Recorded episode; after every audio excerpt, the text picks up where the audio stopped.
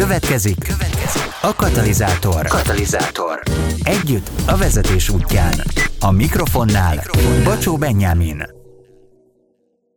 Sziasztok! Nagy szeretettel köszöntünk benneteket itt a Katalizátor következő epizódjában, ahol együtt haladunk a vezetés útján, együtt tanulunk, együtt gondolkodunk. Ma Sélei Lillával beszélgetünk arról, hogy mit jelent vállalkozóként, anyaként, nőként, egyáltalán vezetni a személyes életünkben, hatékonyan megélni mindazt, ami a feladatunk, ami a küldetésünk, hogyan lett egyáltalán vállalkozó, hogyan lehet ezt jól felépíteni, akár egy ilyen személyes brandet, de hát nem biztos, hogy mindenki ismeri, aki így nézi velünk együtt ezt a mai adást, vagy így nem biztos, hogy mindenki ismer téged. Úgyhogy ha egy pár szóban bemutatnád magadat, hogy mi az, amit fontos róla tudni, ki vagy te, mik azok a legfontosabb értékek, amik meghatároznak téged, az sokat segít itt mindenkinek.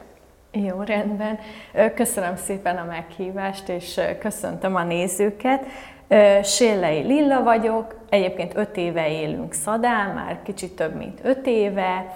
Egy patchwork családban élek, két gyerekem van, egy a kisebbik kislány, a nagyobbik fiú, lassan tíz éves, ami hihetetlen és igazából a nagyfiam születéséhez kötődik az én vállalkozóvá válásom.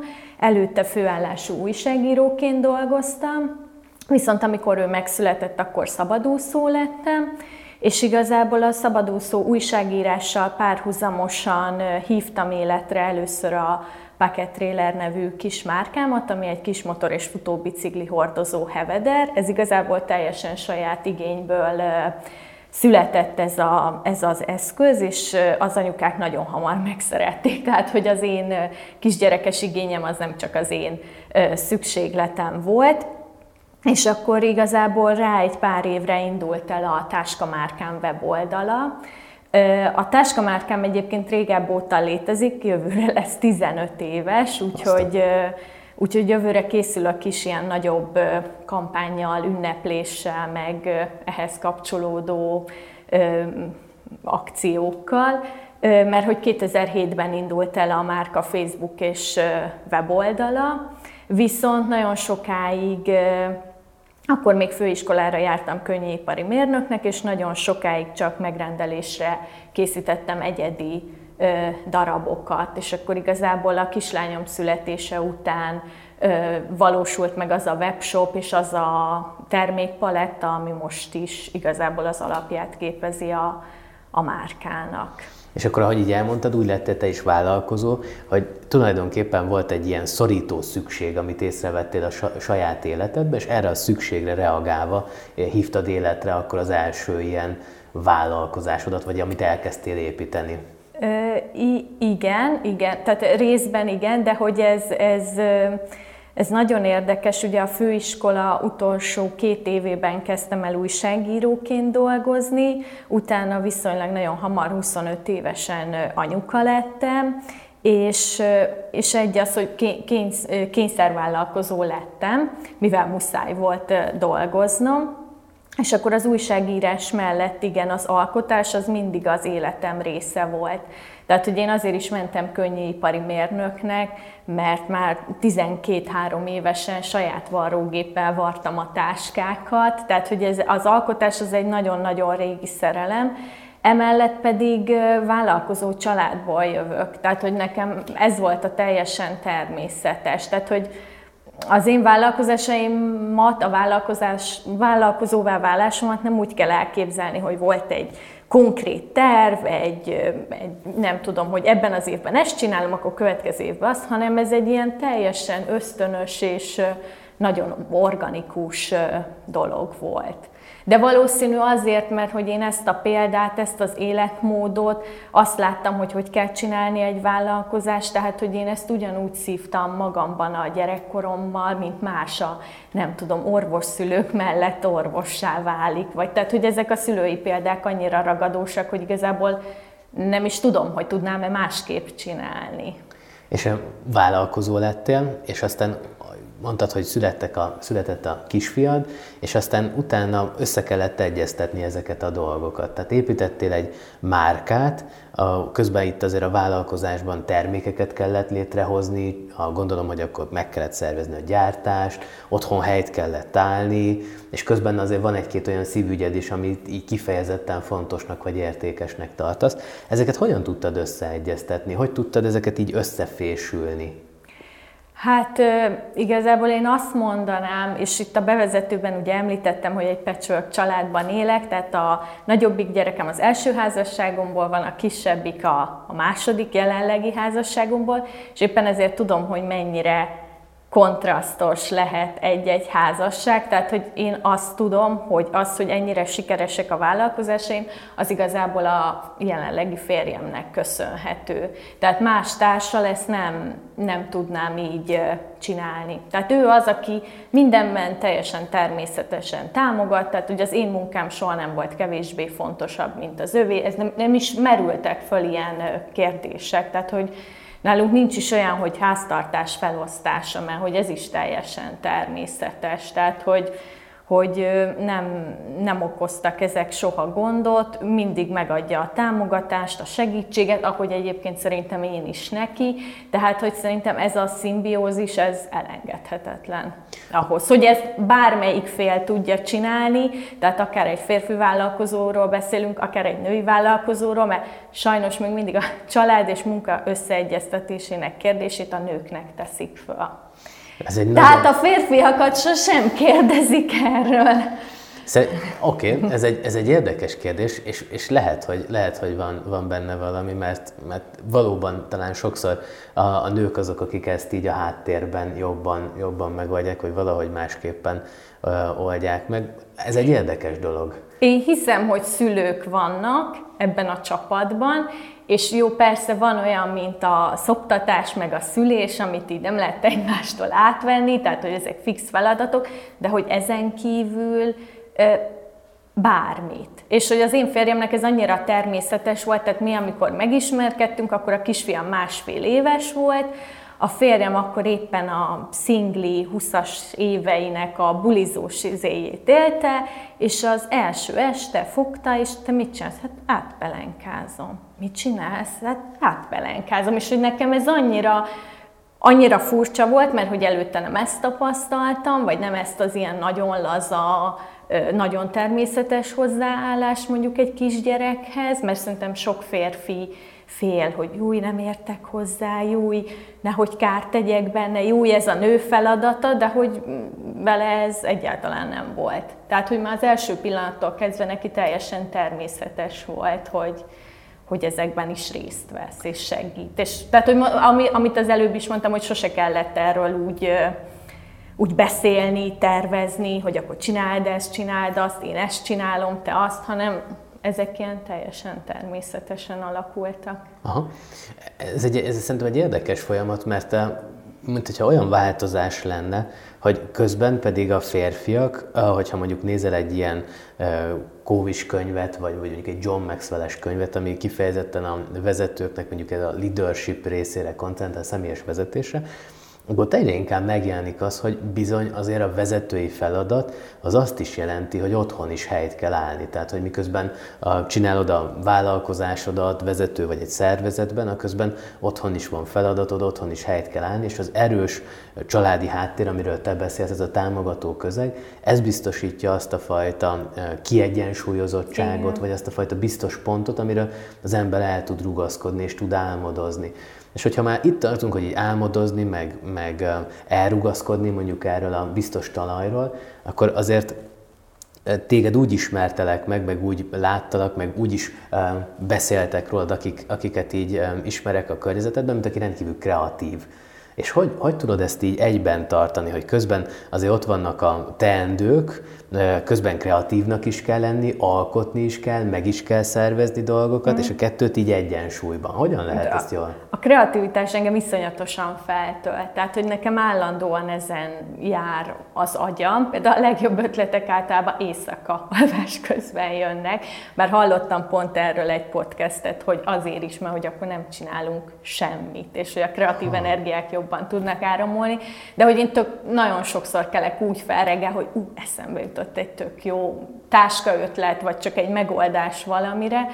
Szóval, hogy engem a kreativitás az nagyon feltölt, a másik része, ami meg nekem segít, és az anyukámtól jön, az Excel táblázatok és listák fanatikus vezetése. Tehát, hogy nekem mindenre van Excel táblázatom, mindenre van applikációm, listákat írok, Például én egy füzetbe vezetem a teendőimet, nagyon sokáig próbáltam magam egy ilyen naptárrendszerbe beletuszakolni, ami sajnos nem megy, mert hogy pont a vállalkozói lét, meg a családos lét az, hogy eltervezek egy heti teendőt, vagy egy napit, és mondjuk nem tudom megcsinálni, mert beteg lesz a gyerek, mert elesett az iskolába, mert valami katasztrófa mindig közbe jön, vagy például otthon hagyta a tesi cuccát, utána kell vinni, tehát hogy csak már ilyen apróságok is teljesen fölboríthatják, és pont ezért a naptárrendszer nekem nem működött, tehát effektíve a, a papír alapú naptárrendszer,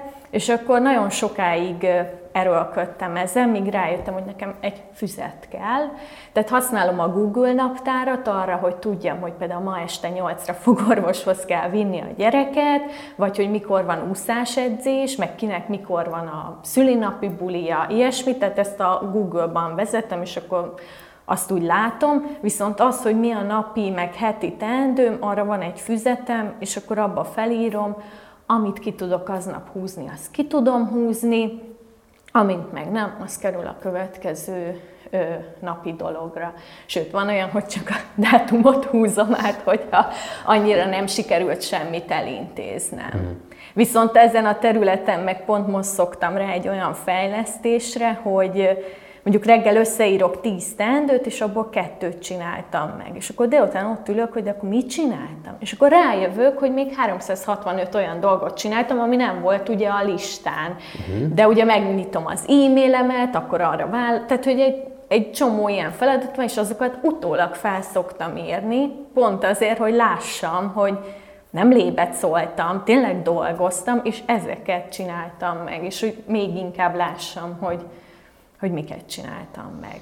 De hát akkor tulajdonképpen elég erőteljesen építkezel így a hatékonyság szempontjából is, mert ne, hogy, mert hogy muszáj, tehát hogy, hogy kreatívnak lenni azért az, az kevés, muszáj odam tenni azokat a... Igen, ne, nekem van egy nagyon erős ilyen, ilyen rendezettségre, szimmetriára, következetességre törekvő énem. Tehát, De... hogy ez egy Szerintem, és ez, ez nagyon jól megnyilvánul abban, hogy könnyűipari mérnök vagyok. Aha. Tehát, hogy ez a, ez a két dolog, hogy ugye táska szakirányon végeztem, vagy hát bőr szakirányon, tehát tervezés, minden, de ott van ez a mérnöki, ez a kiségkényszeres Excel táblázat függő valaki, és ez a két dolog szerintem nagyon jól balanszírozza egymást. De, de hogy ez kell is, nem? Tehát, hogy vállalkozóként muszáj egyszerűen hatékonynak is lenned, tehát, hogy nem csak meg kell tervezned azt a táskát, Igen. vagy azt a uh, hordozót, hanem, hogy muszáj, muszáj neked közben Igen. hatékonynak. Sőt, a munka 90%-a az,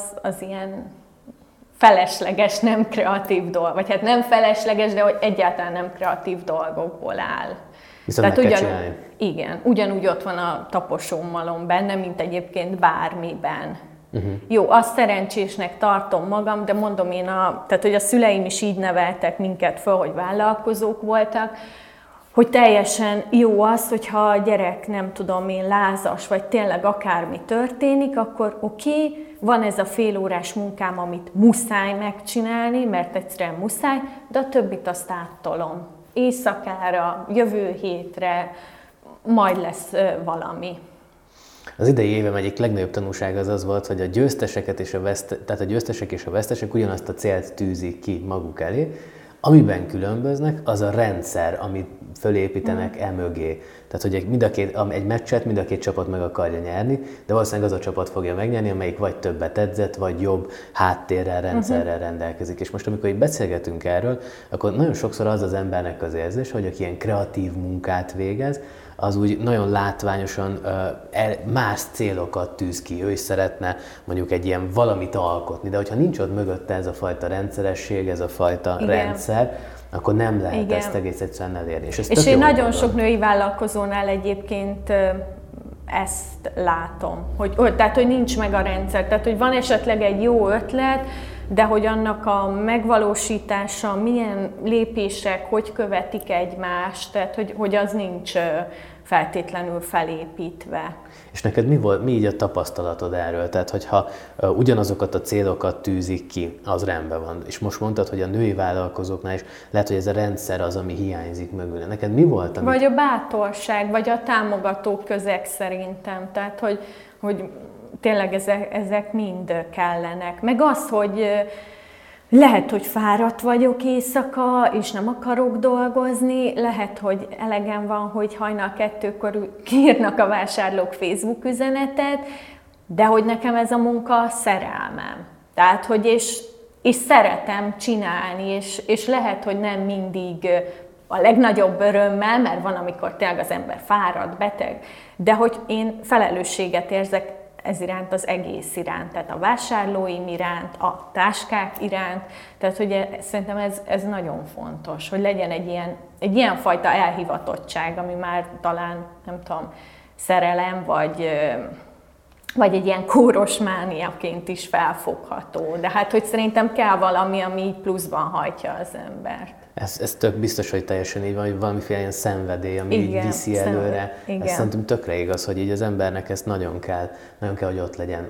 De most így visszatérve ez a vállalkozói léthez, és mondtad, hogy, hogy sokszor vannak álmok, és valahogy nincs ott mögötte ez a rendszer, hogy amikor te így beléptél ebbe, hogy vállalkozó leszel, most már azt mondtad, hogy ez is körülbelül ilyen 10 éve, 15 uh-huh. éve, így vállalkozóként elkezdtél gondolkodni, mik voltak ezek a buktatók, amiket így, hát vagy át kellett esni egy kicsit rajta, és akkor mindig előre estél, ez az egyszer nyersz, egyszer vesztesz, mindig tanulsz, tehát hogy ez uh-huh. mi, mhm. mi volt az, amit így megtanultál ezekből a dolgokból, és így szívesen megosztod így praktikus tanácsként azokkal, akik itt vannak.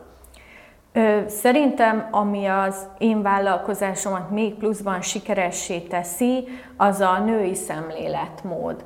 Tehát ugye nem tudom, volt a 80-as, 90-es években, ugye, amikor sok női vezető lett, uh-huh. hogy akkor igazából az volt a trend, hogy a nők átveszik a férfias tulajdonságokat. Tehát, hogy egy multinál úgy lehetett vezető egy nő, vagy egy nagyvállalatnál, hogy, hogy az a férfias tulajdonságok kerültek előtérbe, de hogy ez a nézet én úgy tapasztalom, meg olvastam róla, hogy ez már nem nem feltétlenül jó, meg előny, tehát hogy nem ezeket várják el a női vezetőktől, hanem pont, hogy a nőies tulajdonságokkal segítsék az adott dolgot, és szerintem nálam ez, ez teljesen megvalósul, mert például ugye egy női vállalkozó az, aki nekem a gyártást végzi, és ez, ez írtó sokat segít mindkettőnknek. Tehát, hogy ez a női szemléletmód, hogy ő egy egyedülálló anyuka, egy gyerekkel, Egyébként a gyerekeink, a nagyobbik, az enyém, meg az övé az teljesen egyidős, tehát hogy ugyanazok a problémák, ugyanúgy nyomtuk végig mondjuk az online oktatást, és, és ez mind a gyártásszervezésben, mind a vállalkozásfejlesztésben megmutatkozik. Tehát, hogy, hogy tiszteletben tartjuk azt, hogy a másik anya, hogy nő, és tudunk egymáshoz azonosulni, vagy, vagy az egymáshoz idomulni és igazodni. És szerintem ez, ez például ez nagyon-nagyon sokat segít. De ugyanígy a kampányfotós csapat is, ott is csak nők vannak, csak lányok, a sminkes, a stylist, a fotós, most már egy, velük is egy öt éve együtt dolgozunk, tehát hogy ez is. Tehát a, a női energiák azok szerintem nagyon megmutatkoznak a, a vállalkozásban. És akkor erre lehet építeni is. Tehát, hogy ez a női szemlélet, amit mondtál, hogy ez egy ilyen speciális dolog, ami megjelenik mondjuk akár Igen.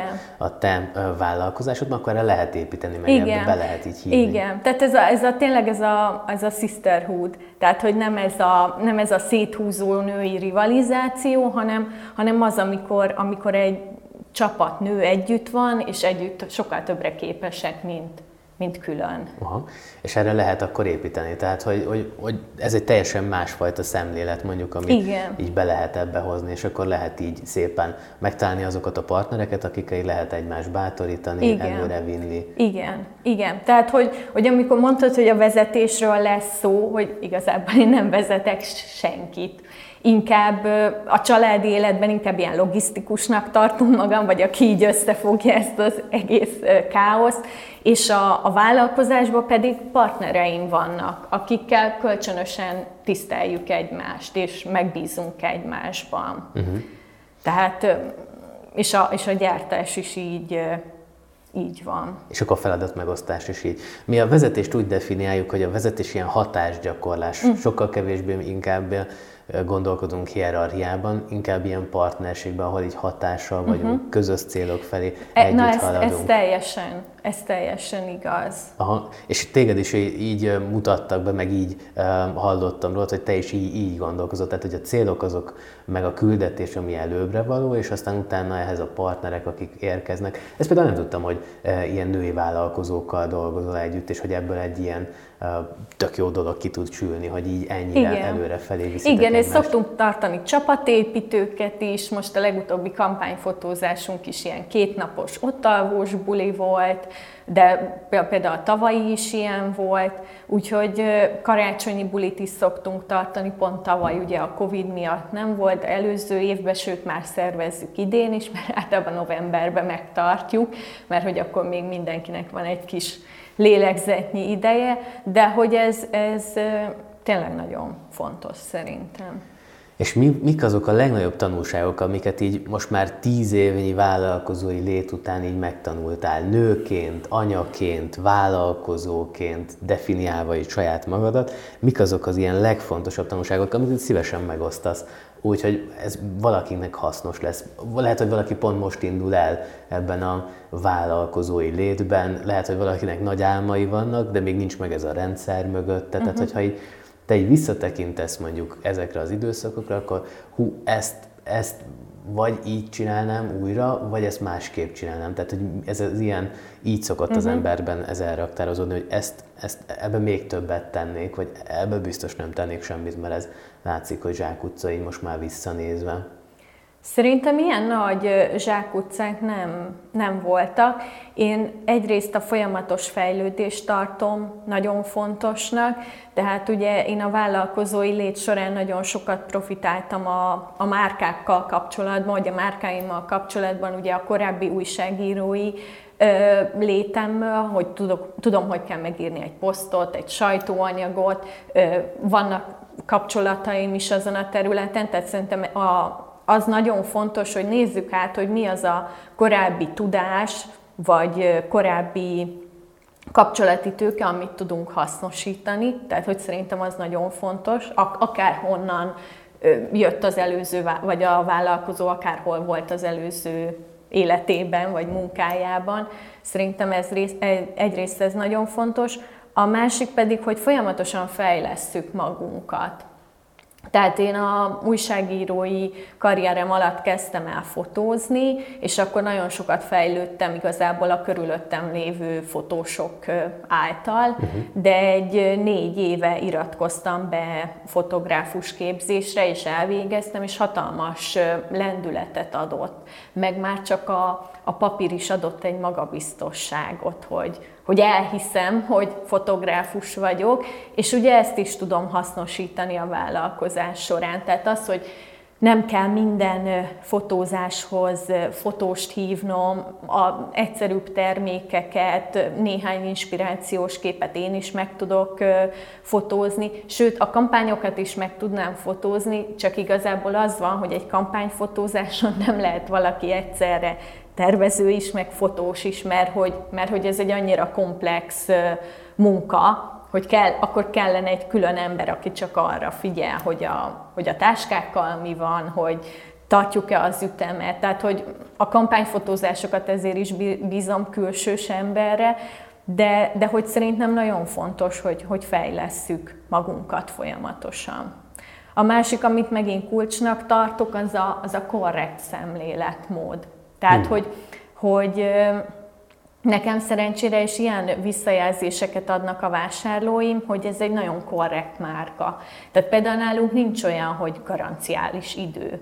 Tehát, hogyha egy öt évvel ezelőtti táskát visszahoznak, mert nem tudom, most például megette a kutya az egyiknek a pántját, akkor mi díjtalanul megcsináljuk. Sőt, én még a visszapostázás költségét is szoktam állni.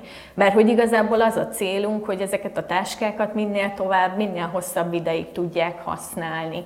Tehát, hogy, hogy mi az ilyenekben nagyon partnerek vagyunk. Ez tök jó, mert hogy ez egy hosszú távú szemléletre utal, hogy az ember így gondolkodik, Igen. hogy nem rövid távú haszonszerzés a cél, hanem nem. abszolút az, hogy tényleg még a vásárlót is partnernek tekinteni, Igen. ahogy mondtad. Ez szerintem nagyon fontos. De mint hogy ez hiányozna, nem így a 21. században? Hát a kismárkák szerintem törekednek rá, és szerintem ezért is van az, hogy egyre inkább a kismárkákat választják az emberek, hiszen megveszed akármelyik sportmárka hátizsákját, mondjuk nálunk ez szokott még gyakori ö, hiba lenni, hogy rácsapják az anyukák a kocsi ajtót, például mert nem egy ilyen táska volt a csatra, ami hát eltörik természetesen, és akkor ezt ki tudjuk cserélni. De hogyha ezt egy multinál vette, egyedileg gyártatott a csatot is, honnan szerzel? Be, bekopogsz a sportból, vagy ne haragudjanak, kéne egy új csatát, hogy, hogy nincs is meg erre a lehetőség. Nálunk meg az összes olyan hibát, ami nem is feltétlenül ugye az anyag vagy az előállításból adódik, hanem egyszerűen egy olyan élethelyzetben, mi ezt fogjuk és megcsináljuk és kicseréljük. Ez tök jó, mert ez a korrektség, ez szerintem nagyon fontos, és mindenkinek tanulságos, mert így a 21. században, mint hogyha ez, egy, ez a tisztességes, becsületes hozzáállás, mint hogy ez egy ilyen hiányzó dolog uh-huh. lenne, de valóban a, a kismárkáknál, azoknál, akik így, akiknek tényleg így valamiféle erős küldetéstudatuk Igen, van. meg ez... felelősségtudat. Tehát, hogy, hogy én, én tényleg nem szart szeretnék eladni az embereknek, a, a nőknek, hanem egy olyan táskát, amit, amit évekig, évtizedekig tud akár használni. És ez az, ami akkor így hajt téged, meg így visz előre téged. Igen. Hát nagyon sok erőt kívánok ehhez, és nagyon köszi, hogy itt voltál, meg hogy Köszönöm. itt voltatok. És bátran iratkozzatok fel, mert ez egy jó lehetőség, hogy együtt haladjunk tovább a vezetés útján, és hogyha van kérdésetek, akkor léci kommenteljetek oda, és akkor Lillával együtt igyekszünk erre válaszolni. Lehet, hogy nem azonnal, de hogy igyekszünk majd válaszolni azokra a kérdésekre, amik felvetődtek. Most pedig szép napot kívánunk, köszi, hogy velünk tartottatok. Sziasztok! Sziasztok! Ez volt, ez volt a katalizátor. Együtt a vezetés útján. Katalizátor. Ha jobb vezetővé válsz, mindenki nyer. Találkozzunk legközelebb is. Köszönjük a figyelmedet!